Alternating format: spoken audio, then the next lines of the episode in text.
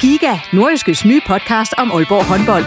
Vil du helt tæt på, hvad der sker i Danmarks største håndboldklub? Vi kommer selvfølgelig til at, til at gå all in. Så lyt til Giga, podcasten om Aalborg håndbold. Det går ondt på et hold som Aalborg, når man ikke leverer det, man gerne vil. Der sætter vi hver uge fokus på de vigtigste historier og største profiler. Dejligt at se, at han er den øh, afgørende faktor, som vi ved, han er. Lyt til Giga, der hvor du finder dine podcasts.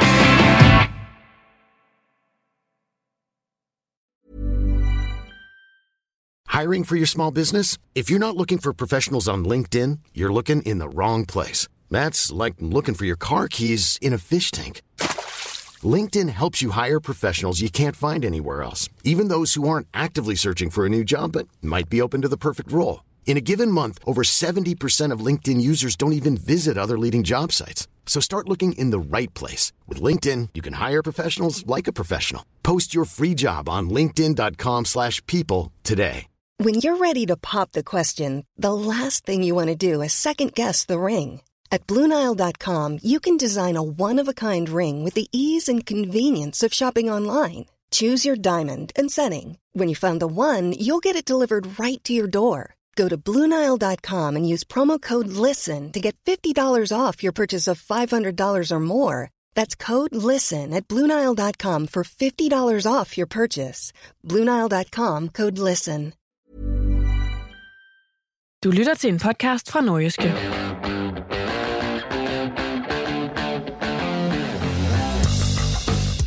OB er igen under nedrykningsstregen, efter det kun blev til et point på hjemmebane mod Superligans bundprop. Mathias Ross er taget til Tyrkiet, og det giver udfordringer både på og uden for banen.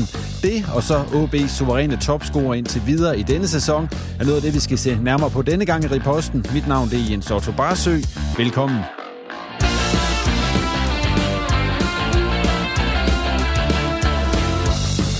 Og medvirkende denne gang er Kasper Risgaard, der er tidligere professionel fodboldspiller hos blandt andre OB, Claus Jensen, der er sportsredaktør hos det nordiske mediehus, og så har vi også OB-cheftræner Lars Friis med i et telefoninterview.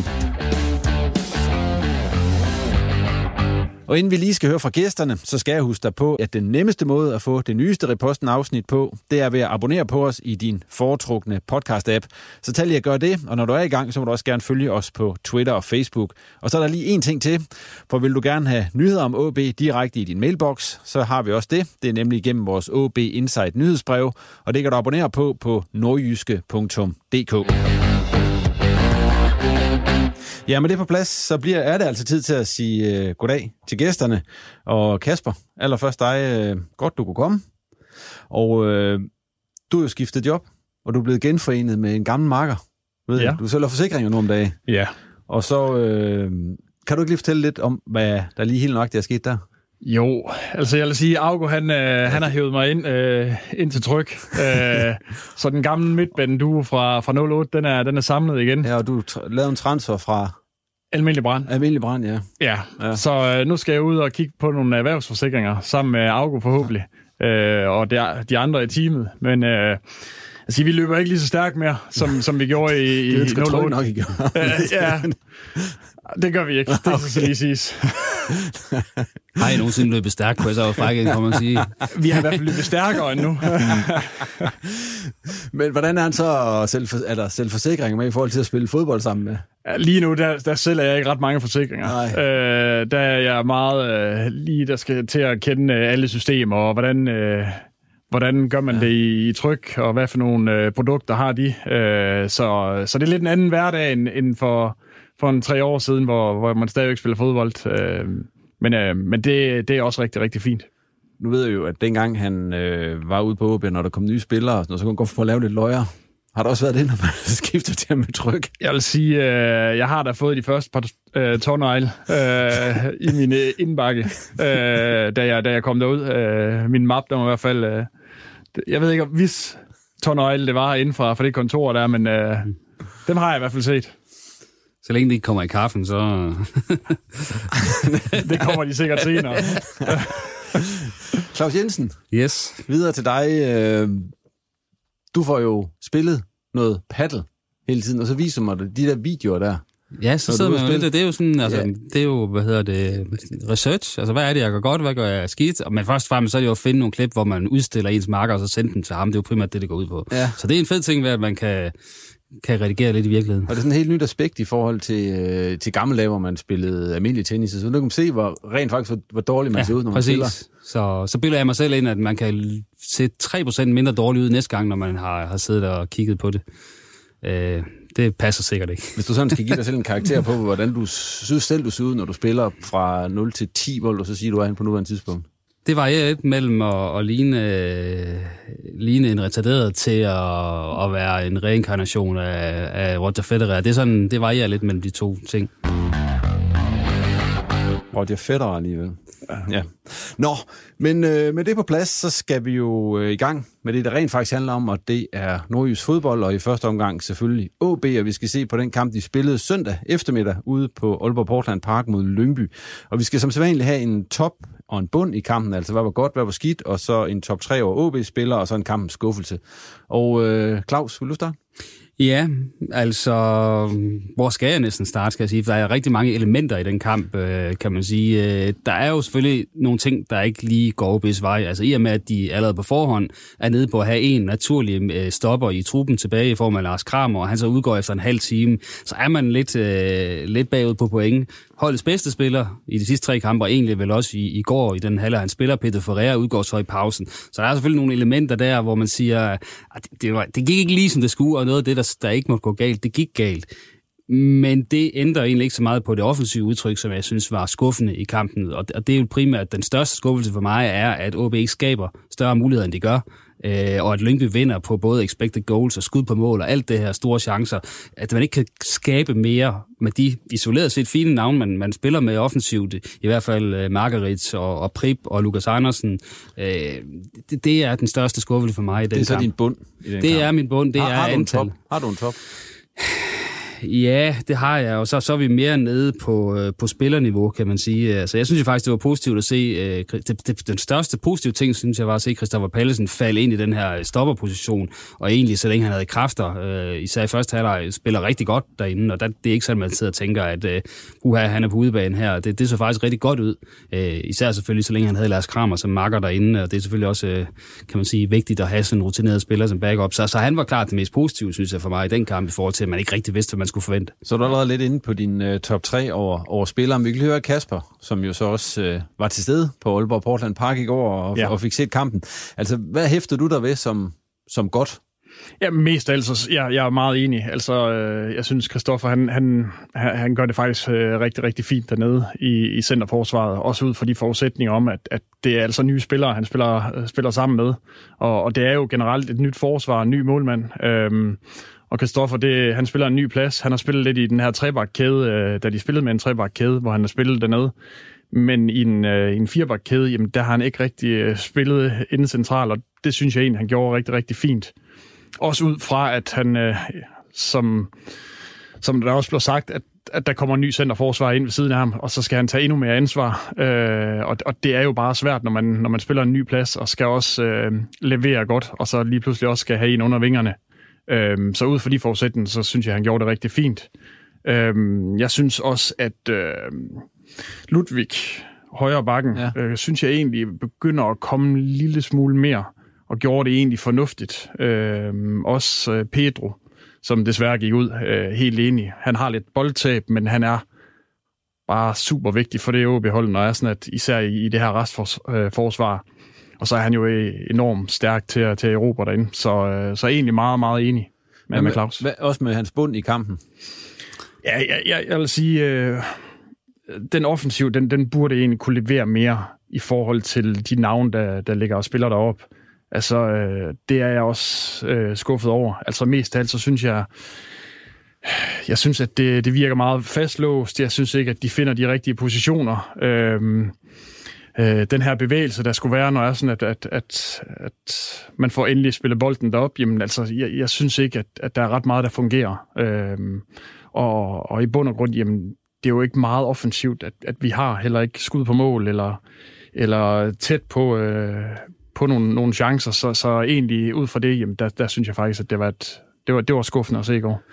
Og det spiller jo så også ind, når man så skal begynde sådan at sætte navne på, på hvem der var skuffende som spillere, Ja. kan man sige. Fordi der synes jeg jo, det er ret nemt at pege på den største skuffelse i, i form af Milan Margarit, deroppe foran. Altså, jeg tæller vel en god aktion i kampen, jeg tror i anden halvleg, hvor han får, får behandlet bolden pænt, vendt med den og spillet den fint ind central og løber så i position. Men derudover, så, så er det jo sådan noget skinpres, han leverer og, og smider bolden væk. Og på et tidspunkt har han en, en tæmning, som ender med at springe 6 meter bagud på, øh, for ham, mens han selv løber fremad. Altså, og jeg kunne også se på, på Lars Friis, at rigtig meget af hans kommunikation i løbet af kampen var ind mod øh, Margrits, og det var ikke, du gør det godt. Det var ikke det, han sagde. Det var, det var kom nu, øh, og også være mere helhjertet i sit pres. Det er jo meget sigende, at altså, han får jo faktisk en rolle, kan man sige, OB's enlige mål, fordi han presser øh, Lyngbys målmand, men det gør Mm. faktisk sådan lidt helhjer, øh, halvhjertet faktisk. Altså. Vi var inde og kigge på det i dag, Ja, lige præcis. Altså, Han det- lunder jo nærmest øh, hen i, i et pres der, og alligevel så øh, får han alligevel forstyrret ham lidt, ikke? Og, Mm. og det er jo lige før, han går pillet bolden fra ham, hvis han har løbet igennem.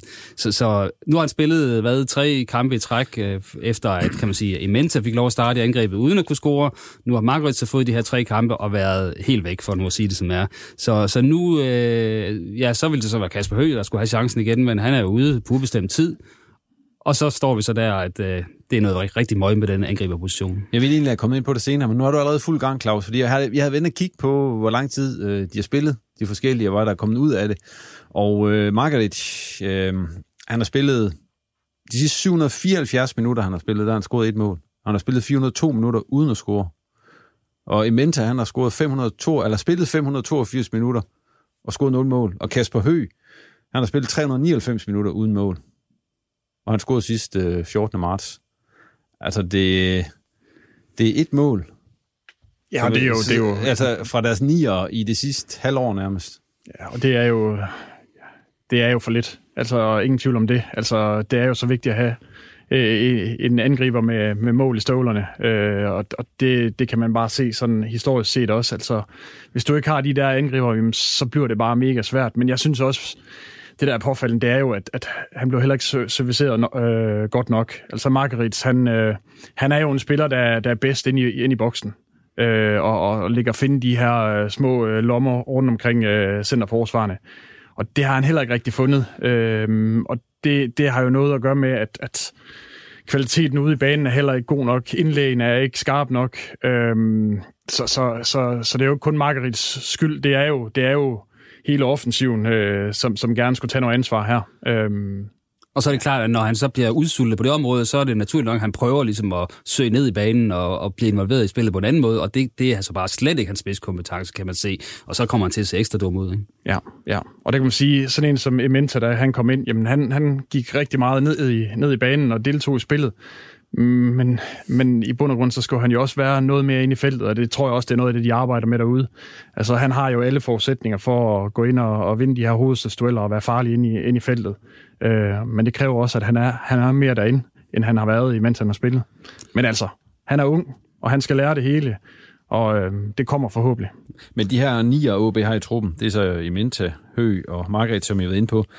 Altså, de har scoret syv mål til sammen i 2022.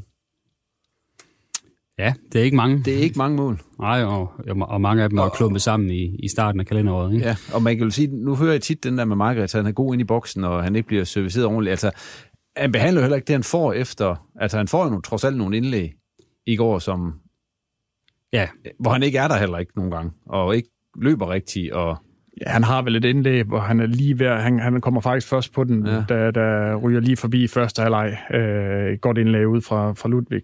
Ja. Øh, men, men det er jo egentlig også det farligste, han kommer Ja. ja. øh, på det. Men når jeg siger det med de syv mål til sammen i 2022, altså burde, nu ved jeg godt, transfervinduet er lukket, man leder måske stadigvæk efter en ude på, øh, på, på det transferfrie marked osv., men, men burde man ikke have reageret på, altså det har vi også snakket om før, Claus, altså Jo, og når vi så har, ligesom har stillet de spørgsmål til især selvfølgelig Inger Andre Olsen, jamen så, så går svaret på, jamen det er ikke, det er ikke altså, vi til, først, og fremmest siger han, de er tilfredse med dem, de har, det skal han jo sige, ellers så stikker han dem lidt i, i ryggen, kan man sige, men samtidig siger han også, at det, det, det er fint nok, at de skal selvfølgelig score, men vi har en, kan man sige, anden kæde, som kommer, som kan lave masser af mål for, som kan lave mål, Lukas Andersen kan lave mål, Lukas Prip, eh, Lukas Prip kan lave mål, øh, ja, det kan de, men de har ikke gjort det, altså Fossum har jo heller ikke, jeg har overhovedet scoret i, i 2022, det tror jeg ikke, han har. Øh, og, og Luka Prip har ikke scoret i den her sæson. Øh, Lukas Andersen heller ikke øh, scoret. Altså, der kommer også for lidt fra anden kæde jo. Mm. Øh, der er også for lidt kvalitet der. Så, så det, det der med at sige, at vi skal nok få målen, de bliver bare spredt ud over flere, det taler statistikken jo også lidt imod. Altså, vi har stået og snakket om herinde, at, øh, at nu er der sådan set kun øh, Alan Sousa, og så... Øh, Pedro. Pedro tilbage, der har scoret i OB's nuværende trup, fordi Kasper I Kusk, Anders, ja, i, ja, ja, og i den nuværende trup, ikke for Kusk og Halskær og, og Mathias Ross er jo blevet sendt ud. De har også scoret tidligere på sæsonen, ikke? Så, så lige nu får de dem altså ikke fra forskellige, eller fra mange forskellige steder, de mål. De får dem nærmest kun fra Susa. Nej, og det er også det, at jeg synes, der er mest skuffende. Altså, jeg, jeg, jeg synes, der er... Altså, Prip, han spiller en fantastisk god sæson sidste sæson, men, men har ikke rigtig været til stede i, endnu i den her sæson, synes jeg ikke. Øh, Fossum, jamen, det er svært at få øje på ham i bare en kamp som, som i går, og, og der skal de bare tage noget mere ansvar, men, men som sagt, det er også lettere sagt end gjort. Altså når det ikke rigtig kører ind på banen, og man ikke rigtig føler, at man, man leverer, jamen så har man måske heller ikke den se, øh, afgørende selvtillid lige til at gøre de uventede ting, eller, eller som, som Prip han gjorde meget sidste sæson, hvor han sparker meget på mål. Øh, og det gør man måske ikke øh, helt på samme måde, og man tager måske lidt mere de her øh, sikre løsninger. Og så kan man sige, angriber, jamen, det er den sværeste øh, position at hente til, fordi de er også rigtig, rigtig dyre. Og det er vi også nødt til at være, være opmærksom på, at, at jamen, hvis at man ikke har pengene til det, jamen, så er man også nødt til at udvikle på det, man har. Og det er jo den svære del. Øh, for, for har OB pengene, jamen, det, det, det ved, det ved øh, vi jo ikke herudefra, men, men Altså det har de jo ikke rigtigt, kan man sige, når de har, på trods af Mathias Rossal og Andreas Hansen salg til Nordsjælland, stadig har, har kurs mod noget, der ligner 12 millioner i underskud. Så kan man ikke sige, at man har en masse penge at gøre med. Nej. Og det er, det er også derfor, at, at det er jo så svært at, at hente spillere, for det er også dem, der er dyrest. Det er de, øh, de angriber, der laver målene. Og så kan man sige, så, så hvis vi spørger, om skal Inge ud og finde et eller andet, så tænker jeg, at det, det er næsten en umulig opgave. Og hvis, man endelig, hvis der endelig går noget rundt derude, der garanterer at lave en masse mål, så kræver det formentlig et sign-on fee, som gør, at, at det kommer ikke til at ske alligevel. Så det eneste realistiske, vi kan gøre, det er at, at tro på Marco Ramkilde, som er stadig løber rundt derude og træner med, øh, når han ikke er skadet. Og det har han så været i to omgange af det her forløb, hvor han har trænet med i, i OB. Men jeg må sige, at de træninger, jeg har set, hvor han har været fit, at der har han altså været bedre afslutter, end nogle af de andre øh, angriber, OB har i, i truppen. Det bliver meget interessant. Jeg har nærmest ikke set Margaret score et mål til træning i, i flere uger. Øh, det kan Marco Ramkilde trods alt. Så jeg tror stadig, han kan være en joker, hvis han ligesom kan vise, at de der skader er, er passé, og det kæmper han så desværre lidt med. Det her med angriberpositionen, det har jeg faktisk også lige snakket lidt med Lars Friis om tidligere i dag, øh, hvor jeg så også lige hørte ham til status på Pedro Ferreira, som jo udgik med en skade mod øh, Lyngby. Det gjorde Lars Kramer også med en hovedskade. Og så øh, var der også noget snak om efterfølgende, at Lukas Andersen havde lidt øh, bøvl med, med knæet igen. Men det spurgte jeg altså Lars Friis til, udover også lige at snakke lidt omkring øh, de manglende mål fra, fra angriberne. Og øh, allerførst lige en status på, på de tre førnævnte spillere det er du ikke tidligt at sige, at vi skal have, vi skal have Pedro, øh, Pedro scannet øh, for at se, hvor, hvor slemt det er med ham. Øh, så der får vi en status øh, i løbet af i løbet af aften eller i morgen, øh, hvordan det ser ud. Øh, og Lars har, øh, har ikke trænet med i dag, og vi har fridag i morgen, og så, øh, så ser vi, hvordan det ser ud. Øh, jeg er rimelig fortrøstningsfuld med ham i forhold til kampen på, øh, på lørdag. Øh, så så det er, det er egentlig sådan den korte version af de der. Og så er der Lukas. Jamen, Lukas fik lidt... Ja, men han, han fik lidt, men det, han kunne godt have spillet videre. Han blev ikke taget ud, fordi han var skadet. Øhm, så, øhm, så der var egentlig ikke. Altså, det var, han har haft lidt med, med knæene øh, i løbet af ugen, men, øh, men, øh, men alt er, som det skal være. Så et par fridage her, så, så er vi klar igen. Og, og Pedro, er det lysken? Øh, det, er, det ser det ud som om, men det er noget af det, der skal scannes for, så det må vi se, hvordan det de ser ud i forhold til det. Lars, nu har du lige haft tid til at sove på det, og I har gennemgået øh, kampen mod øh, Lyngby i dag. Altså, hvordan er dit syn på den, efter du lige har haft tid til at, at, at sunde lidt? Nå, men den er jo ikke, øh, den er ikke super god. Altså, det er jo, det er jo en af de en af de kampe, øh, som vi skal vinde på hjemmebane. Og, og når man ser kampen igen, så skal, så skal vi også øh, så skal vi også udnytte det, som, som der er muligheder, både med, med, med tid og plads. Øh, der var vi bestemt ikke dygtige nok. Øh, og, og så kan man sige, at der var nogle bum på vejen, og der var nogle udfordringer øh, øh, tidligere på ugen, øh, som, som andre gik ind og løste med, med Palle derinde, og Lars kommer ud og det giver, det giver så muligheden for autorer for at komme ind, og så kan man sige, at det har jo ikke noget med de offensive at gøre. Nej, det har det jo ikke sådan direkte, men, men der er måske et eller andet, der forplanter sig i holdet i forhold til den, den struktur og det, der er. Øh, det vi i hvert fald kan konstatere, det er, at vores, vores offensive organisation ikke, øh, ikke var, som den skulle være. Og det er, det er helt klart en af de grunde til, at vi ikke, øh, vi ikke skaber flere chancer, end vi gør. Det er ikke, det er ikke tilfredsstillende, men... Øh, men den har vi fået lagt ned. Den, øh, den, den er vi nødt til at, at lægge bag os, og så, øh, så kommer der en meget, meget vigtig kamp på lørdag i Aarhus. Men hvorfor er det, at den ikke er der i sådan en kamp? Fordi det er jo egentlig set fornuftigt ud i, i de foregående kampe, Lars. Ja, men det er det, jeg siger. Hvad er det? Har det noget at gøre med alt det, der sker? Eller, eller hvordan og hvorledes? Altså, øh, det er klart, med, med, med, med vores offensivspillere, øh, er der ikke, rammer, vi ikke, øh, rammer vi ikke dagen ordentligt. Øh, og, og fasen før det, øh, før skabchancerne, den rammer vi heller ikke ordentligt. Det er i perioder, vi gør, øh, og det er det. Øh, så, så hvorfor er den ikke det? Det er et godt spørgsmål. Øh, det er i hvert fald ikke i orden, øh, og det er ikke nok, vi, vi skaber. Det kan vi konstatere. Du kommer igen fra en kamp, hvor, hvor angriberne ikke scorer. Altså, hvad, hvad tanker gør du der omkring det på nuværende tidspunkt? Om vi skal have, vi skal have fordelt målene ud over flere spillere, end vi gør lige nu. Lige nu der så tager Susa rigtig godt fra, øhm, og, og der er flere, der skal hjælpe ved at score mål, og det er klart, at, at vi kigger også på 9. position for at finde ud af, hvordan vi løser det. Øhm, ja, øh, der, kommer, der kommer ikke mål for de støvler øh, øh, i den her sæson indtil videre, og det, det er klart, det skal vi kigge på, og det arbejder vi på øh, hver eneste dag, og det, der er ikke nogen, der er mere forbandet end dem, der normalt spiller deroppe. Du fik set øh, en Oliver Rost op i går. Øh, altså, hvad var dit indtryk af det? Er det en mulighed, der kan måske prøves igen mod AGF, eller, eller hvordan ser du det? Ja, det kan sagtens, øh, det kan sagtens være. Øh, Oliver er en, en helt anden type, og, og hvad skal man sige, har været god som angriber på 19, øh, men, men, øh, men har jo ikke prøvet, prøvet det på, på Superligaen endnu før i går. Og, og det bliver en anden type angriber, vi har der, en anden type spil, som vi vil også øh, komme til. Men, men det kan sagtens være en mulighed. Det var, det var en tanke, jeg havde op til kampen, at det kunne, det kunne blive en løsning i, i løbet af kampen, og, øh, og jeg var glad for, at vi fik den set også. Øh, så, så Oliver kan sagtens være i spil til at, til at, til at løse den der op. Med hensyn til, hvis vi lige ser frem mod kampen mod AGF, altså der, der, hvordan ser det ud der med hensyn til Daniel Granli?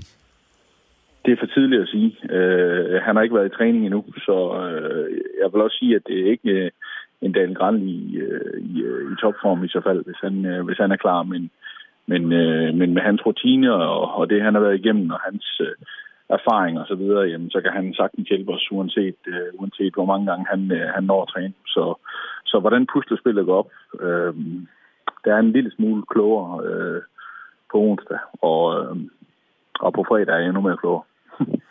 Men du kan konstatere, at det er bestemt ikke kedeligt at være træner. Altså, der er jo, øh, det, er jo, det er jo noget af det, som, om, som man har som træner. Der er nogle udfordringer en gang imellem, og, og der er et puslespil, der skal ligge, så der er noget offensiv, vi skal have skærpet op, og de udfordringer tager vi, øh, fordi det er en del af det at være, det er en del, det er en del af det at være træner, og, øh, og vi er ikke bange for de udfordringer, men, øh, men nej, der, der er nok, der, der er nok af, der er nok af brikker til puslespil nu, vi skal have fundet pladsen til. Ja, det sagde altså OB's øh, cheftræner Lars Friis, som i forbindelse med de her manglende mål øh, jo kommer ind på, at Oliver Ross måske kunne være en mulig starter som nier øh, ned mod AGF her på, på lørdag, som jeg lige husker, de spiller. Hvad vil du hvad lige sige til Oliver Ross deroppe? Nu fik han jo lidt spilletid deroppe øh, mod Lyngby. Jamen altså, jeg synes jo egentlig, at Oliver og også Bakist kommer ind og, ind og, og gør det godt, da de kommer ind. Øh, Oliver, han er, han, er, han er rigtig øh, ihærdig i, i, øh, i presspillet også, øh, og, og fik, fik egentlig skabt lidt uro dernede. øhm, og, og Bakis også kom ind, og man kan jo hurtigt se, at han, øh, han har et godt touch på bolden, øh, kan spille hurtigt. Øh, så, så, øh, så det kunne egentlig det kunne godt være det kunne godt være en mulighed. Øh, det er jo det er jo altid svært, fordi Ross han er jo vel ikke en, en nier øh, som sådan, men altså, øh, det kan han vel øh, forhåbentlig øh, det ved I måske lidt mere, end, jeg gør. Jeg ved ikke, om han har trænet det. Øh, han, han spillede det jo som Han ungdom. spillede Han meget spillede på det. Ja, okay. i, i ungdomsregi, Ja. det, øh, hvor man så måske følte, at han manglede noget, øh, kan man sige, noget fysik i feltet og så videre, da han kom på Superligaen, hvor derfor opfandt man ham som, som offensiv, altså mere som 8-type der. Men, men jeg må indrømme, jeg tror, jeg sagde højt ud på redaktionen øh, i løbet af ugen op til den her kamp mod Lyngby, at jeg vil spille med, med Oliver Ross fra start, i stedet for Margrethe. Så jeg havde egentlig opgivet øh, serberen inden den her kamp, og, og det kan jeg jo så bare gentage, og så er jeg glad for at høre, at Lars Friis også er sammenholdet. Nu, nu, nu, nu er det tid til at prøve noget andet. Øh, og han har Ja, det siger det direkte som... Nej, nej, Ja, nej, men, altså, men, han men, er men han er i alt- spil, og jeg ja. tror, han er mere end bare en brik. Jeg, jeg, jeg, vil, jeg vil ikke tøve med at gøre det, for der, der skal ske et eller andet. Og jeg ved, han har haft et lidt, lidt skuffende indhop her på det sidste. øh, Ikke, ikke lige i går, men, men med nogle Randers og Midtjylland, hvor han ikke rigtig fik sat sit aftryk. Men vi skal også tilbage til nogle af de første kampe i sæsonen, hvor han faktisk kommer ind og er, er medvirkende til, at man overhovedet skaber chancer, for eksempel mod Horsens blandt andet på hjemmebane, mm. øh, Oliver. Så, så jeg vil give ham øh, chancen, fordi jeg synes, de andre har fået den, og de har ikke udnyttet den. Øh, så, øh, så, så må næste mand i rækken komme til. Og Ross, han er jo en af dem, han er jo faktisk også scoret på reserveholdet. Ja, og så må man sige, at han havde et, et, et langskud på et tidspunkt i en af de her kampe i starten af sæsonen, hvor det var det stedet sort uheld, han, han ikke scorede. Så han kan også, kan man sige, øh, skyde fra distancen, men han har altså også målnæs i feltet. Det så vi øh, på U17 og U19 regi. En af de ting, som Lars Friis også fik sagt her i interviewet, det er jo så også, at øh, Daniel Grandi, deres norske midterforsvar, jo øh, i hvert fald nok ikke rigtig træner med endnu, og heller muligvis heller ikke er i spil til AGF-kampen. I hvert fald ikke til en hel kamp, som det ser ud. Det vil jo så sige, at øh, Sebastian Otora jo i den grad er i, i spil igen til sådan en kamp, øh, alt efter med Lars Kramer og, og så videre. Hvis vi lige tager ham, øh, 18-årig gut, der bliver kylet direkte ind i sin første Superliga-kamp. Øh, hvordan synes jeg, han gjorde det? Jamen, jeg synes egentlig, Sebastian han kommer ind og gør det godt. Øh, jeg synes, han får sluppet øh, af med bolden på, på en fornuftig måde. Øh, der er lidt i forhold til det her med at, at gå ind i duellerne øh, i perioder, hvor han måske blev skubbet lidt for let væk. Det er også svært mod, mod ham, Mathias Christensen, som er, er rigtig stærk og, og god i hovedspillet. Men, men, men jeg synes egentlig, at altså, det er jo svært for sådan en 19-årig knægt at komme ind og, og skal spille sin første Superliga-kamp, øh, og heller ikke har trænet ret meget med, med selve Superliga-holdet, som jeg kan forstå, har været meget skadet øh, i, i løbet af, af det sidste års tid. Og det er bare svært, så, så ud fra de forudsætninger, så synes jeg egentlig, at han gjorde det rigtig, rigtig godt. Ja, jamen, det er jeg enig i. Altså, man kunne godt have forestillet sig, at det kunne være gået helt galt, og, og så videre. Og, det, og, det, og så vil han stå der og føle, at det var hans skyld. Alt. Det var det jo på ingen måde. Altså, han har ikke nogen, nogen alvorlig rolle omkring øh, Lyngbys mål, kan man sige. Så han gjorde det hederligt. Der er noget også omkring hans placering, hvor man godt kan se, øh, at, at øh, han måske heller ikke helt orienterer sig. Men, men igen, han spiller sammen med, med Pallesen, der heller aldrig øh, rigtig har spillet derinde. Så, så det vil jo komme til at se mærkeligt ud. Men jeg hæftede mig også ved, at han var rolig. Han var så måske også, også for rolig. Altså, der var ikke rigtig noget lyd på. Altså, der var ikke rigtig...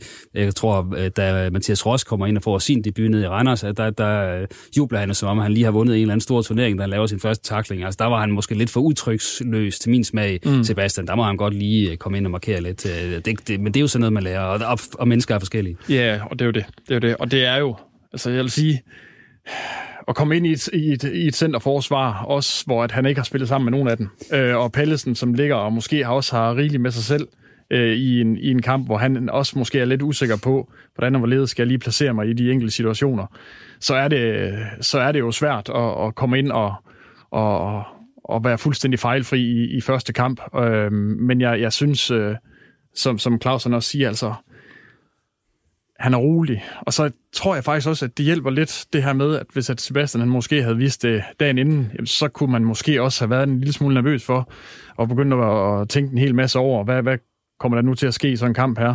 Nu blev han smidt ind i det, øh, fuldstændig måske lidt uvidende om, at, at han kom ind i, eller var tæt på at komme ind. Øhm, og det kan måske være, være meget godt for, for så unge spillere. Ja, der gik vel to minutter eller sådan noget, så er erfaren opvarmet, begyndte at varme op at han lige pludselig stod derinde. Ja, det er det. Så, så, så helt klart en godkendt debut, altså det, den kan han sagtens vinge af, så det slap han rigtig fint fra. Øh, og så øh, kan man så sige, men betyder det så, at han har fået, han har, kan man sige, sikret genvalg til det næste kamp? Det, det har han jo ikke, hvis øh, Kramer og Pallesen kan spille i, igen. Øh, og det er jo så kun Kramer, der er et lille spørgsmålstegn omkring. Men jeg synes også, Kramer lignede en, der egentlig gerne ville have spillet videre, hvis ikke det var for de her protokoller om omkring hjernerystelser osv., der ligesom sikrer, at, at, at hvis der er den mindste tvivl, så skal, så skal han bare skiftes ud. Mm. Sådan er reglerne nu, og det, det er nok trods alt til den, til den gode side, at man gør det sådan. Men vil også uh, Utoro have en god statur for sådan en midterforsvar, i modsætning, altså Pallesen, som jo så spiller midterforsvar, han, altså, sådan en vil jo aldrig blive midterforsvar i dag af hans størrelse. Nej, og det, det var egentlig også, jeg, jeg sad måske en lille smule med, med en klub i halsen i, i perioder, når at for eksempel der var hjørnespark eller de her lange indkast her, øh, hvor at, at der var vel kun Sebastian her, der, var, der havde lidt højde øh, med sig, øh, og er, er god i hovedet. Øh, Pallesen øh, kan jeg huske fra, fra, fra min tid også som, som spiller, det, det er ikke hans livret, men, men øh, og det er også her, hvor jeg siger, at, at Sebastian han måske blev lidt skubbet væk, eller kommer lidt på, på, på bagkant i, i nogle situationer. Øhm, og det er jo noget, han skal lære med, med tiden. Det her med, at øh, han har altså en statur og en, og en størrelse, der skulle gerne gøre, at han ikke er så let at, og, og lige øh, skubbe væk. Øhm, men alt i alt, så synes jeg, han gør det øh, fremragende. Ja. Men man må så også sige, det er måske trods alt også heldigt nok, at det er mod Superligans på vi dårligste hold, at, at OB er tvunget til at stille op i så alternativ en opstilling og give så unge spillere debut. Altså, det var jo så den på papiret ringeste modstander, de kunne få, øh, og det hjælper dem selvfølgelig også. Altså, det er jeg ikke sikker på, det vi stod her og snakker om et OB-point, hvis det var FCK eller eller Midtjylland, eller, eller ja, det er jo så det er jo midterhold, jeg nævner her, men det er jo fordi, man er vant til at kalde dem tophold. Men altså, øh, det, det var nok noget andet, hvis det var en Cornelius, eller... Ja, så skal man, jeg, jeg, jeg, tænker heller ikke, man skal ikke, man skal heller ikke under, øh, underkende det her med, at, at det skaber også bare lidt nervøsitet i, i, i holdet. Øh, hvordan... Øh, øh, når, når der er så mange nye med, og især i et centerforsvar, hvor, som gerne skulle være, være krumtappen. Øh, og det har vi også set de seneste kampe, hvor, hvor Ross og, og Kramer har gjort det rigtig, rigtig godt, og har kun lukket et par mål ind øh, de sidste fire kampe øh, inden Lyngby. Og det er bare, så, så kan der komme noget. Hiring for your small business? If you're not looking for professionals on LinkedIn, you're looking in the wrong place. That's like looking for your car keys in a fish tank. LinkedIn helps you hire professionals you can't find anywhere else, even those who aren't actively searching for a new job but might be open to the perfect role. In a given month, over 70% of LinkedIn users don't even visit other leading job sites. So start looking in the right place. With LinkedIn, you can hire professionals like a professional. Post your free job on linkedin.com slash people today. Noget offensivt udtryk også efterfølgende, fordi at man er, man er, man er sikker på, på det, der sker nede bagved. Øhm, og det siger sig selv, det, det var man ikke i går. Øhm, men omvendt, jamen, det betyder ikke, at man ikke kan, kan levere bedre offensivt. Så. Gad gå videre, hvad Otto havde fået på at spille på et, et, et midterforsvar mod Lyngby med Otoa og, og Pallesen. Jeg tror, det er noget, hvor man skulle have ringet ind og spurgt, om man kunne få lov at spille på det, og så ville sige, hvad har du råd? ja. Men nu siger jeg, det er nyt. Altså, de er nye sammen, de to, der spillede i går, men er bakkerne også nye. Altså, det er jo uh, Andreas Poulsen og, og, og Ludvig. At, at det er jo ikke... Altså, de er jo aldrig spillet sammen før. Nej, nej, altså... Og, og, og heller ikke den formation, der var før, havde jo heller aldrig spillet sammen før. Og derfor er det også, at sige, at, at, at der er selvfølgelig muligheder for, at det her OB-hold kan, kan udvikle sig og, og spille sig fri af, af de her problemer, som sæsonen skrider frem. Men det er klart, at man skal ikke have for mange af de her kampe, hvor man nærmest skal, skal genopfinde alting øh, forfra, kan man sige. Øh, men, men, øh, men jeg er da sikker på, at vi heller ikke set det bedste for det her OB-hold nu, apropos det, vi snakker om med Lukas Andersen, der siger, at det er et rigtig stærkt hold. Vi har jo til gode at se topniveauet og, og alle spillere være spillet sammen. Det er der ingen tvivl om. Men, men jeg tror stadigvæk, at øh, vi er der, hvor det, det handler bare om en ting, og det er at komme fri af den bund der, så det der top 6, det må man lade nogle andre om at, at koncentrere sig om. En af dem, som jo så har været... Øh har efter lidt positivt indtryk indtil videre, det er jo Alan Sousa, som kom til fra Vejle her inden øh, den her sæson. Han scorede øh, mod Lyngby sit øh, fjerde mål i den her sæson, og som du har været inde på, Claus, så er de nuværende OB-spillere, altså de spiller der i truppen nu, der står han jo så for fire ud af, af de fem mål, der er i truppen i den her sæson når vi har fået skibet de andre tre afsted, der har scoret. Hvad er jeres øh, sådan, dom over Alan Sousa indtil videre? For man kan vel godt begynde sådan at, at sige, at nu, nu har han spillet nogle kampe, men man kan godt sådan bedømme ham efterhånden. Jamen altså, Sousa han er jo sådan en fanfavorit. Altså han kan jo gøre det uventet. Øhm, så jeg synes, øh, også i og med, at han har lavet et par mål, øh, eller fire mål har han faktisk lavet, øh, så synes jeg, at det har været en, en god start for ham. Øh, jeg synes, han er spændende at se, når, når man kommer ud på stadion. Han kan nogle ting, som man ikke lige er vant til at se. Øhm, og det tror jeg egentlig også supporterne synes. Øh, og det er en af, en af de her grunde til, at man også køber billet. Det er jo for at se de her brasilianere, eller øh, nogle af dem her, der kan lidt uventet. Øhm, så jeg synes egentlig, han har, han, han har fået en rigtig god start. Der har selvfølgelig været nogle op- og nedture i, i kampene. Øhm, der var også, det var der også i går. Men, øh, men det tager ikke noget fra, at han, han er igen er afgørende for, at, at OB de, de scorer der kommer slutprodukt på. Det er jo det, der ikke gør på nogen af de andre, for du kan sige, jamen Lukas Andersen kan også lave nogle små lækre ting og så videre, men der kommer ikke noget slutprodukt på. Det gør der her. Så er der så nogle ting, som jeg mener, han stadig kan bygge på. Altså, der er stadigvæk for mange situationer, hvor han, han kaster sig øh, og håber på et frispark, i stedet for at, at stå op og, og spille videre.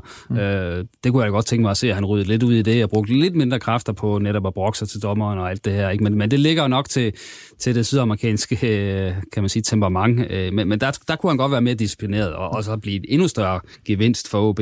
Men, men jeg hæfter mig med, at han kommer til chancerne, og han sparker, sparker de fleste af de der ind, når han er alene med målmanden. Det gjorde han mod Brøndby, og det, og det gjorde han også mod Midtjylland. Øh, så, så øh, han har jo været en af sæsonens øh, største oplevelser, trods alt på det her OB-hold, og der vil sige sammen med måske også en Lars Kramer, så er det jo de to nye spillere, som har overbevist her i, i starten.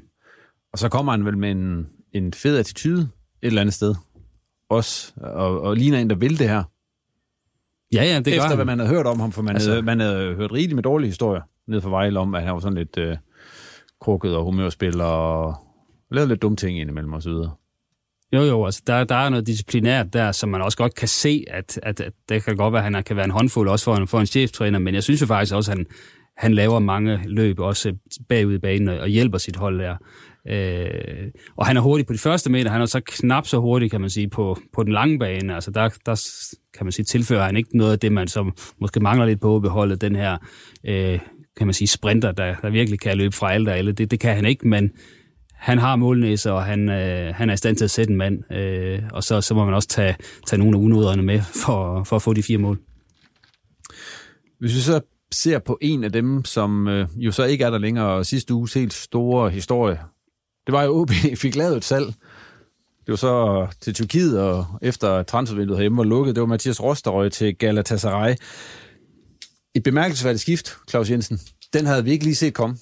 Nej, og det tror jeg faktisk heller ikke, at der var rigtig nogen i, i OB, der havde før, øh, før to dage før den bliver lukket, som jeg forstår det, så kommer kontakten fra Galatasaray først tirsdag aften, hvor den så bliver, kan man sige, bekræftet og underskrevet torsdag aften. Ikke? Så det er, jo, det er jo noget, tyrkerne beslutter sig for. Jeg ved, de, de må have fundet en, øh, en pose penge nede i Sortehavet et eller andet sted, fordi pludselig så, så finder Galatasaray på, at de skal hente fem spillere, blandt andet en Icardi i, i Paris, godt nok så på en lejeaftale, men, men, men der sker noget der, som gør, at de lige pludselig skal ud og shoppe mok, og, og mm. der ringer de så til, til, øh, til OB og, og Mathias Ross, og... Øh, Hvordan ja. har de fundet frem til ham?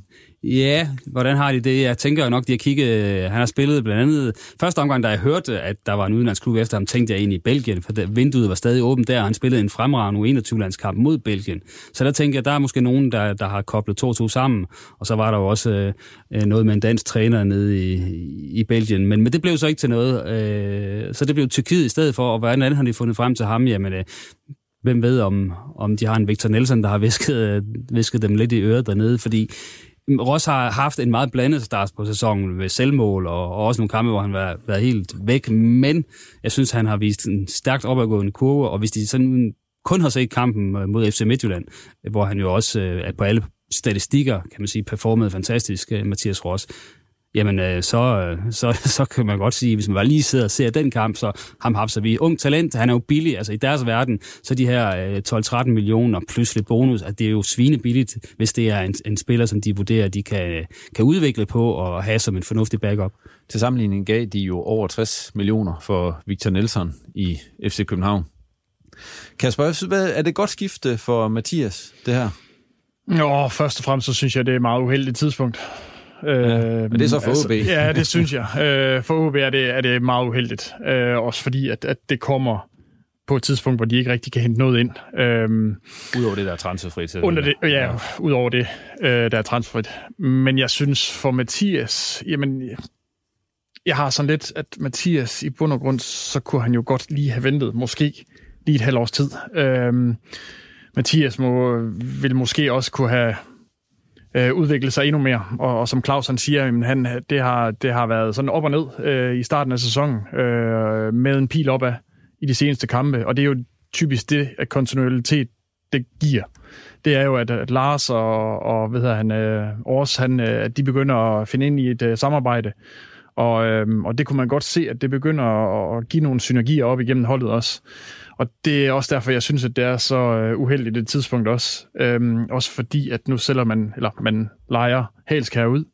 Øh, så, så derfor synes jeg, at, at det er uheldigt. Øhm, kunne OB måske ikke også have sagt, at øh, prøv at høre, vent lige et halvt år, og der er et bud på dig nu. Øh, men det er jo OB, øh, der har den sidste beslutning omkring det her med at sælge, og 12 millioner, hvis de synes, at det har været nok, jamen, øh, og det har de åbenbart øh, synes. Så, så øh, altså, jeg ved ikke, om det er det rigtige skifte for, for Mathias. Øh, det, må, det må tiden jo vise. Det er jo en stor, det er en stor klub. Øh, stor klub. Ja. Øh, men der er også, som jeg ser deres hold, jamen, der er rigtig, rigtig mange dygtige spillere. Og hvis, at, øh, hvis han kommer derned og, og er tiltænkt... Øh, øh, ja, det må vi håbe, at han er tiltænkt til at spille, jamen, så skal han op mod øh, en masse konkurrenter. Øh, og der er Victor Nielsen, jamen, han, er, man kan sige, han har taget et step fra, fra Nordsjælland til, til FCK, og så øh, videre til, til Galatasaray. Øhm, det er et specielt sted at spille nede i Tyrkiet, tænker jeg. Øhm, du har prøvet at spille i Grækenland. Øh, der spiller jeg så ikke så meget. Nej, men, men, men, du har prøvet at være i Grækenland. Ja, og det, altså, det giver noget hår på brystet, tænker jeg. Men, men Mathias, han har en, en god... Øh, øh, man kan sige, en god fremtoning og en god, øh, hvad kan man sige, øh, han, han, han tror meget på sig selv, og, og det tror jeg også, at du skal, du skal kunne sådan et sted der, fordi der, der kommer pres på. Øh, det gør der. Jeg vil egentlig sige, at jeg synes, at sådan i personlighed minder han mig lidt om en Oliver Appelgaard, der, der heller ikke øh, ligesom, var bange for sin mm. egen skygge, da han kom op i Superliga-truppen. Der kunne man godt få mærke, mærke dengang på, på Appelgaard, og egentlig det samme på Ross, at han er egentlig ret moden af sin alder at være. Altså det, det er sådan en, der, der ja, som, som vil kunne gøre det, hvis nogen kunne gøre det. Og der kan man sige, det har Appelgaard bevist, det kan Ross også, men, men han kan altså også risikere at, at spille nærmest ingen minutter den, den hele den her sæson, øh, hvis, øh, ja, hvis ikke der, der opstår skader eller karantæner i, i, i Galatasaray, og så går hans karriere i stå. Altså det er jo den reelle risiko. Omvendt, så skal han holde det op over for, jamen får jeg nogensinde den her chance igen, og det er der jo ingen, der kan svare på. Nej, og det er også det, jeg vil hen til. Altså, jeg, jeg, nu ser jeg det selvfølgelig meget som, som OB'er, og, og ser med, med de briller på. Og der, der vil jeg bare håbe på, at, at OB måske kunne have holdt ham lige et, et stykke tid længere, fordi også for øh, selvfølgelig for holdets skyld, men også fordi, at jamen, øh, vil, vil Mathias være, være langt mindre værd om tre måneder. Det, det, det tænker jeg ikke, han vil. Øh, omvendt så tror jeg faktisk, at han bare vil være mere værd. Og han, vi skal også huske på, at han er jo kun 21 han, der er masser af udviklingspotentiale i ham. Øhm. Men jeg tror også, det spiller ind her, at at på transfervinduets, eller danske transfervinduets sidste dag, og det hollandske for den sags skyld, der, der sker der jo det, at Vitesse kommer på banen og, og vil have ham, og, og hvem der så lige har skylden for, at det ikke bliver til noget, det ved jeg ikke, men, men øh, faktum er i hvert fald, at han måske var lidt skuffet over, at det ikke blev til noget. Også fordi det havde måske været et sted, hvor man kan sige, at han kommer til en, en, en subtopklub i Holland, og, øh, og med god mulighed for at spille fast, øh, hvad han måske ikke har i Galatasaray. Så det har måske været et fint step. Så er han stor, han er skuffet over det, og hvis OB så blokerer for det her Galatasaray-salg, så kan det godt være, at man risikerer at stå med så skuffet en spiller, at man ikke har fået et optimalt ud af ham. Samtidig synes jeg også, at man må tolke på det her, at, at hvis OB synes, at de er nødt til at sælge ham for de her 12-13 millioner, jamen så, så er der åbenbart et, et, et, et behov for at få noget, kan man sige, gangpar valuta ind i, i, i klubben. Altså, øh, og det synes jeg også, jeg hørte øh, Inger Andre Olsen sige i det interview, han lavede øh, med Discovery inden kampen øh, mod Lyngby, hvor han siger, vi skulle sælge. Altså, øh, det de har jeg ikke set hørt ham, sagde han også. Ja, hvad siger du? De ville helst have solgt Prip. Ja, ja, det er det, men, det, men, så skulle han nok have leveret lidt bedre, hvis det skulle have været realistisk. Ja. Det er klart, at han lavet en 5-6 mål i, i starten af sæsonen og fortsat stimen for sidste sæson, så har det nok været rim, rimelig nemt, tænker jeg, at sælge ham. Øh, desværre så, så er der sådan nogle klubber, der har gjort deres forarbejde og tænkt, det er en spiller, der, der er gået i stå. Og, ja, så blev det Ross, og med alle de mange udfordringer, der, der nu knytter sig til det, nu man skal ud og finde øh, en eller anden ud af form derude, som man kan gøre god igen. Men er det, nu, nu det her er jo en af OB's øh, trumfer på hånden. Er det en af dem, der man havde forventet skulle, skulle give kassen og også være med til, at, op, at man kan opfylde det her mål om, om 30 millioner kroner i transferindtægter om året. Er det så nok at få 12 millioner for, for en U21-landsholdsspiller? Nej, altså Når man det... sammenlignet for eksempel ser, at Victor Nelson får, eller FCK får 60 for ham. Altså OB har i mine øjne været ude i sådan lidt øh, en, en duel her med over for transfermarkedet, fordi man har jo tidligere meldt ud, det, det hørte jeg formand Tom Fristrup gjorde, og siger, det er slut med at sælge øh, spillere øh, for en slik. Altså i OB skal vi have en ordentlig betaling, ellers så kan de rende og hoppe. Det var sådan reelt lidt det, han sagde. Og så har man stået der øh, med den attitude over for transfervinduet, der så bare nærmest har vendt ryggen til. Og så er der ikke sket noget nu i, altså bortset fra det Andreas Hansens salg, der har været lidt, lidt småtterier, men der er ikke sket ret meget øh, i OB, hvad angår salg ud. Og nu er man et eller andet sted noget nået der til, at så var det OB, der måtte blinke først i den der duel, fordi øh, altså, man kan jo ikke blive ved med at sige, at vi, vi sælger kun for 25 millioner eller derover, hvis der ikke sker noget. Øh, så et eller andet sted, så har man vel tabt den der øh, hold hårdt mod hårdt duel over for, for markedet. Men der er jo også lidt prestige i at sælge til en klub som Galatasaray, i forhold til at skulle sælge til Norge, Sverige, et eller andet. Altså Galatasaray, selvom de ikke var gode sidste sæson, så er det vel stadigvæk et stort navn i europæisk fodbold. Jamen, selvfølgelig er det det. Øh, men, men, men det er også svært. Altså, nu ved jeg ikke helt præcis sådan rent økonomisk, hvordan OB øh, er stillet lige i øjeblikket. Øh, men, men jeg vil sige, øh, at få 12 millioner for Mathias øh, Ross, øh, som har så meget udviklingspotentiale, øh, jeg synes, det, jeg synes, det er lige lidt nok, men, men også, også se det, det lys på, at, at øh, nu skal man ud og hente en, en, en forstærkning, øh, som er transferfri. Og hvad kan man få derude, som også øh, kan gå ind og, og, og hjælpe holdet øh, lige nu? Øhm, og det er, jo, det er jo mega svært. Øhm, men selvfølgelig, altså, Galatasaray er jo en stor klub, øh, og, og selvfølgelig vil, vil man gerne sælge til, til de store klubber øh, i udlandet. Øh, men jeg, jeg må også sige, jeg, jeg har ikke så meget kendskab til, hvad Galatasaray ellers har i truppen, også af centerforsvar. Øh, men de må jo have vurderet, at Mathias han kan gå ind og spille, øh, forhåbentlig også fra start af, og der er en masse udvikling i ham. Øh, så, så det, det er egentlig det, jeg tror. Og så kan man sige, hvis nu han går hen og bliver en bravende succes i Galatasaray, så er det klart, at så kan man fra OB's side også godt bruge det som en investering. Se her, hvad, der, hvad vores øh, kan man sige, unge egenudviklede talenter kan. Øh, så kan man også henvise i øvrigt øh, i den der på det følge med, med, med Joachim Mæle og Oliver Abelgaard og sige, det, man kan faktisk godt øh, tage en chance med, med en af vores spillere, fordi ja. de, de kan blive til noget. Øh, så, så det kan man så håbe på, Altså, der er ingen tvivl om, at Forbe er den gode historie, og han bliver en brav succes i Galatasaray, fordi så er der også andre klubber, der vil kigge på OB-talenter. Og han var jo med i truppen i går. Det var han så. Det var, det var, Mod Kasim Passer eller sådan noget. Ja, præcis. Og det var Icardi for eksempel ikke, uden at kende årsagen til det, men øh, nu er det heller ikke lige samme position, de kæmper om. Nej, men det må være en stor oplevelse for nogle mand. Ja, så så vi den her præsentationsvideo, altså, hvor han jo står med de her verdensstjerner også. Øh, ja, det må være en oplevelse i sig selv. Ja, det, det, der vil jeg sige, der, der trumfede de nok lidt uh, OB's præsentationsvideoer med den her. Øh... De kom i sådan nogle Porsche. Ja, ja, ja. ja det, er også, altså, det, er altså, det skal vi også huske. Det, det skal vi også huske, når er sådan, at, at Mathias han står over for sådan en valg her, og kommer til så stor en klub med så store spillere, jamen selvfølgelig er det attraktivt. Selvfølgelig er det det. Og derfor øh, vil han også have været skuffet, hvis det er sådan, at, at OB havde, havde sagt nej. Øhm, så, så øh, jeg, kan jo, jeg kan jo sagtens forstå valget om at gerne vil skifte, men det gør bare lidt ondt at, at se, også, også fordi det kommer på det tidspunkt. Hvis at OB havde, øh, havde muligheden for at hente noget andet, og det havde sket inde i øh, transfervinduets øh, inden, inden lukning for, for, for de danske spillere, eller for danske klubber, jamen så, så, havde, så havde det også været, været rigtig, rigtig fint. Problemet er bare, at nu, nu står vi her og skal ud og hente noget, og hvad er der på markedet af transferfri spillere? Ja, du har ikke sagt nej til Galatasaray i sin det vil jeg have svært ved, tror jeg også. Ja. Øh, Claus, hvad er der i øjeblikket, som Kasper siger? Altså, fordi der har været snak om nogle forskellige ting, inden Hobart Nordtveit ja. og Winston Reed er også blevet nævnt. Og, og ja, Bubakar Sané øh, og så videre, ja. øh, som jo øh, havde en stor tid i Horsens, og, og Midtjylland blev solgt. Sikkert en helt anden. Kæmpe. Anden Nej, altså hvis jeg kigger ned over markedet, så siger jeg, hvem vil jeg have? Øh, så står jeg lidt med en Bubakar Sané i den ene hånd, for han har vist sit topniveau. Han er faktisk stadig kun 27 år. Øh, han viste sit topniveau i, i Horsens og i Midtjylland, og det var nok til, at andre ikke ville betale øh, voldsomme penge for ham, og så gik han så helt i stå. Så det er tydeligvis en spiller, der de sidste par år ikke har spillet ret meget, og ikke været ret god, når han spiller. Så det er sådan lidt, ja, øh, men han er kun 27, så, så han er jo ikke færdig. Så i den anden hånd har jeg det bedste mest etablerede navn af de ledige, nemlig ham Håvard Nordveit, 32 år og 52 A-landskamp for Norge, har spillet i, hvis vi tager hans seneste klubber, så er det øh, Gladbach, West Ham, Fulham og Hoffenheim. Men han har været skadet? Han har været skadet, og hvor han er henne lige nu fitnessmæssigt, det har jeg ikke rigtig kunne researche mig frem til. Jeg kan bare se, at han spillede sin sidste kamp 23. april mod Frankfurt Men han, har, er altså øh, han er nordmand.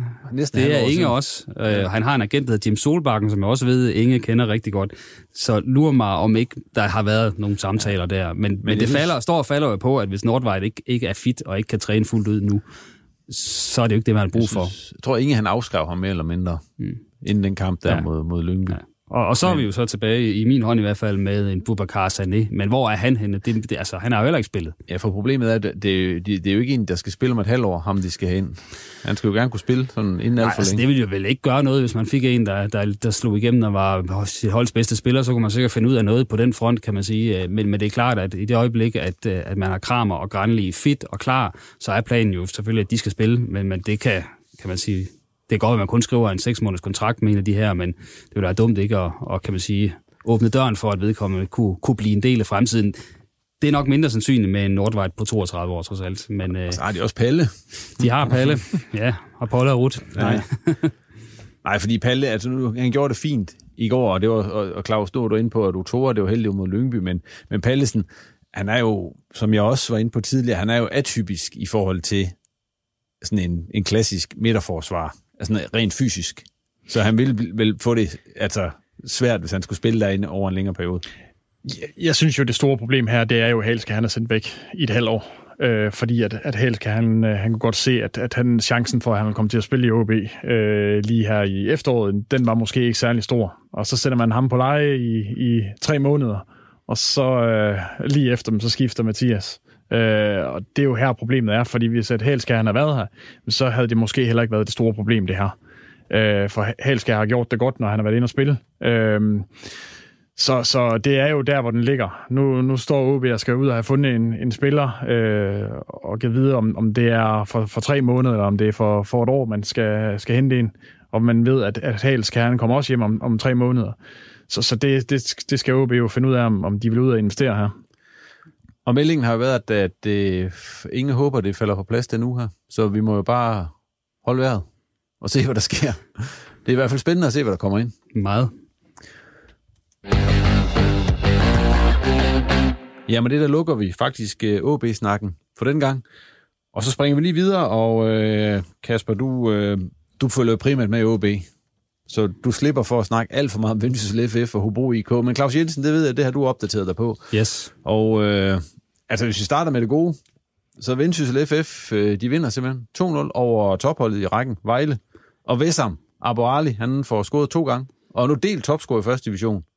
Det har været længe undervejs med Wessam, altså lige siden han øh, øh, altså var i OB og, og ligesom viste tegn på, at han kunne blive til noget, så blev han udlejet til Vendsyssel og, og viste også der, at han kunne score mål i første division. Men så røg han til Silkeborg og røg øh, på skader, og, og da han så røg til, til Vendsyssel, jamen der var det nye skader og, og sygdom, og, og så har han egentlig været så lang en periode, hvor han ikke rigtig har været sig selv, og hvor man tænkte, jamen, altså, kom, bliver han nogensinde sig selv igen?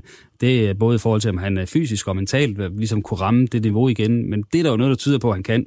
Altså seks mål øh, i, i, i starten af sæsonen her, der må man bare sige, altså han er tilbage, øh, og det han leverer, det er jo det, som man godt kunne se også, da han var i OB, altså, altså, altså hans spidskompetence omkring afslutningerne, hans tekniske afslutningsfærdigheder, de er, de er på højt niveau når han er i form og, og så videre, for man ved godt øh, fra sig selv, at hvis, hvis man først ikke, øh, ikke er i form eller, eller kæmper med et eller andet, så, så ryger alt ud af synk i kroppen, og så kommer han til at se rigtig grimt ud. Men lige pludselig falder det i hak for ham, og heldigvis kan man sige, for, for øh, Vendsyssel, de har brugt pænt mange penge på ham, og de gav jo omkring en million kroner for ham i, i Silkeborg, hvilket er pænt meget for, for en klub som, som Vendsyssel, ikke? Og, og hvis de penge var spildt, så har det gjort, gjort ondt, tror jeg, på, på klubledelsen deroppe.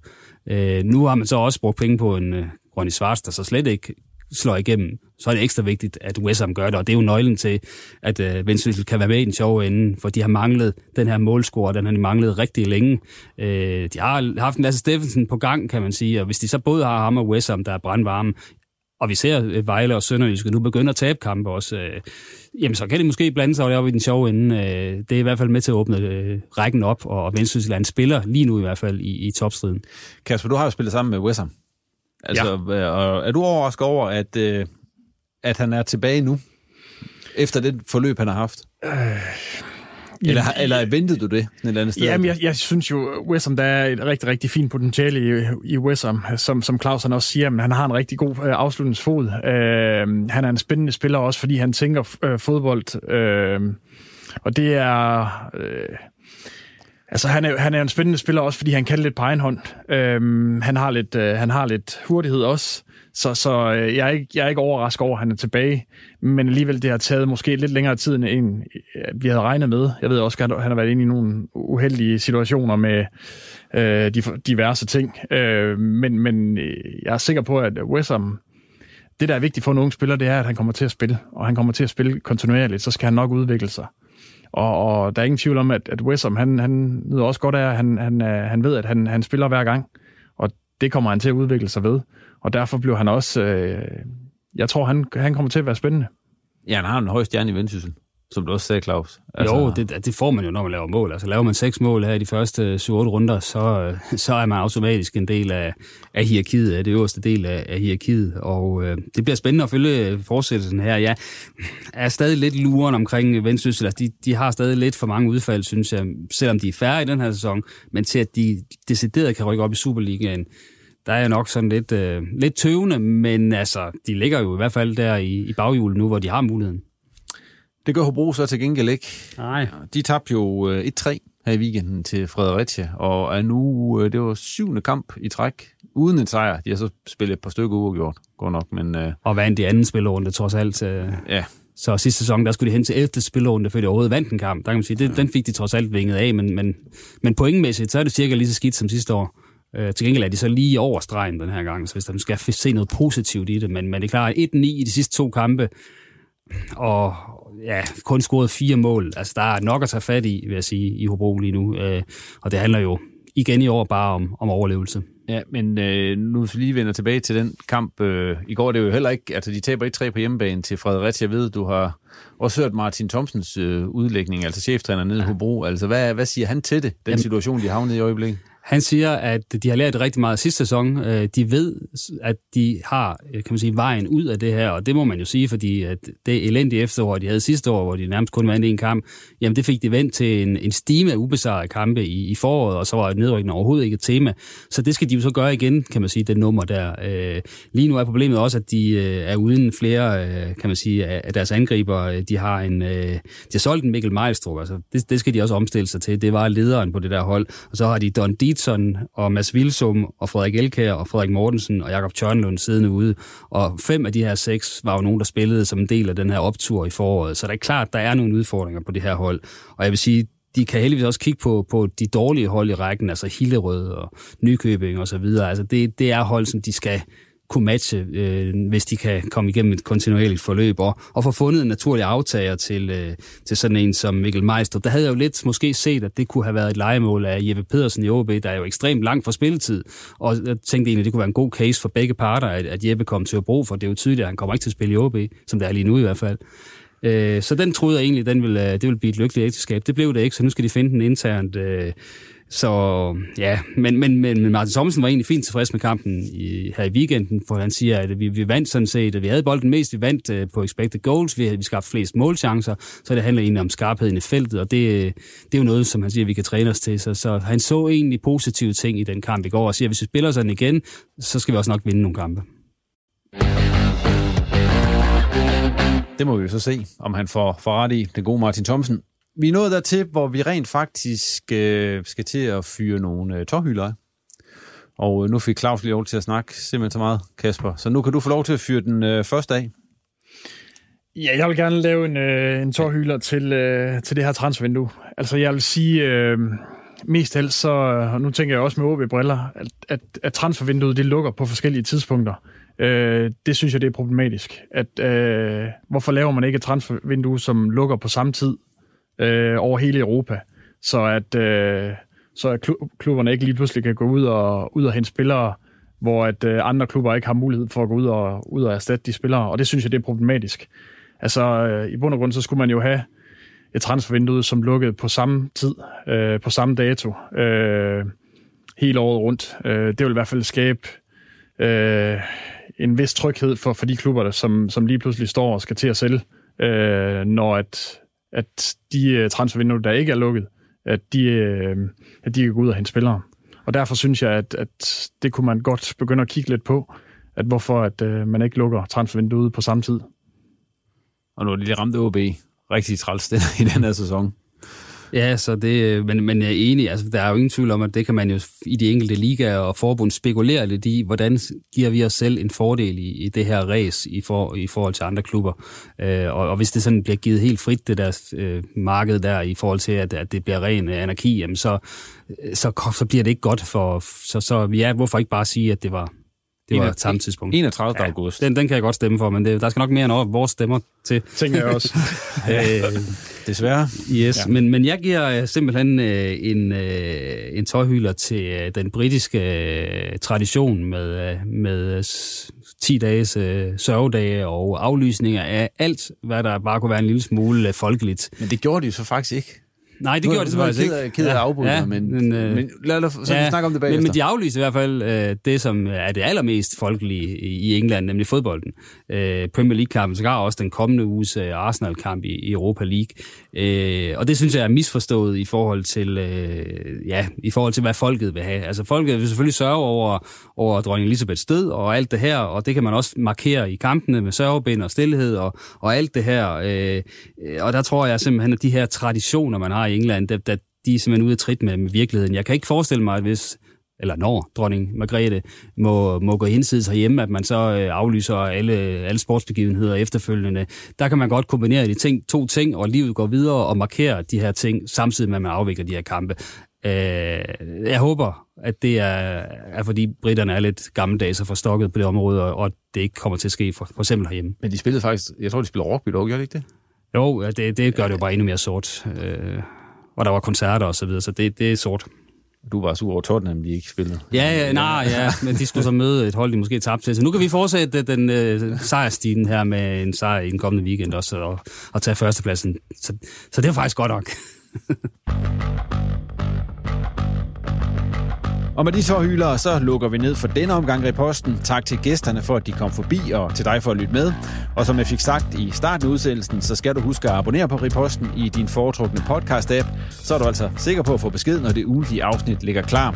Og du kan også følge os på Facebook og Twitter. Der gør vi også opmærksom på, når der er nye afsnit klar. Og vil du have mere om OB, så anbefaler jeg, at du går ind og abonnerer på vores OB Insight nyhedsbrev. Så får du nyheder om OB lige i mailboksen. Du kan signe op på nordjyske.dk. Vi er klar igen med en omgang reposten igen i starten af næste uge på Genhør.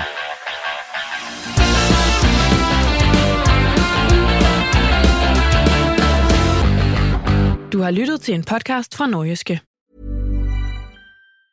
Mom deserves the best, and there's no better place to shop for Mother's Day than Whole Foods Market. They're your destination for unbeatable savings, from premium gifts to show-stopping flowers and irresistible desserts. Start by saving 33% with Prime on all body care and candles. Then get a 15-stem bunch of tulips for just $9.99 each with Prime. Round out Mom's menu with festive rosé, irresistible berry chantilly cake, and more special treats. Come celebrate Mother's Day at Whole Foods Market. Mom deserves the best, and there's no better place to shop for Mother's Day than Whole Foods Market. They're your destination for unbeatable savings, from premium gifts to show-stopping flowers and irresistible desserts. Start by saving 33% with Prime on all body care and candles. Then get a 15-stem bunch of tulips for just $9.99 each with Prime. Round out Mom's menu with festive rosé, irresistible berry chantilly cake, and more special treats. Come celebrate Mother's Day at Whole Foods Market. Target.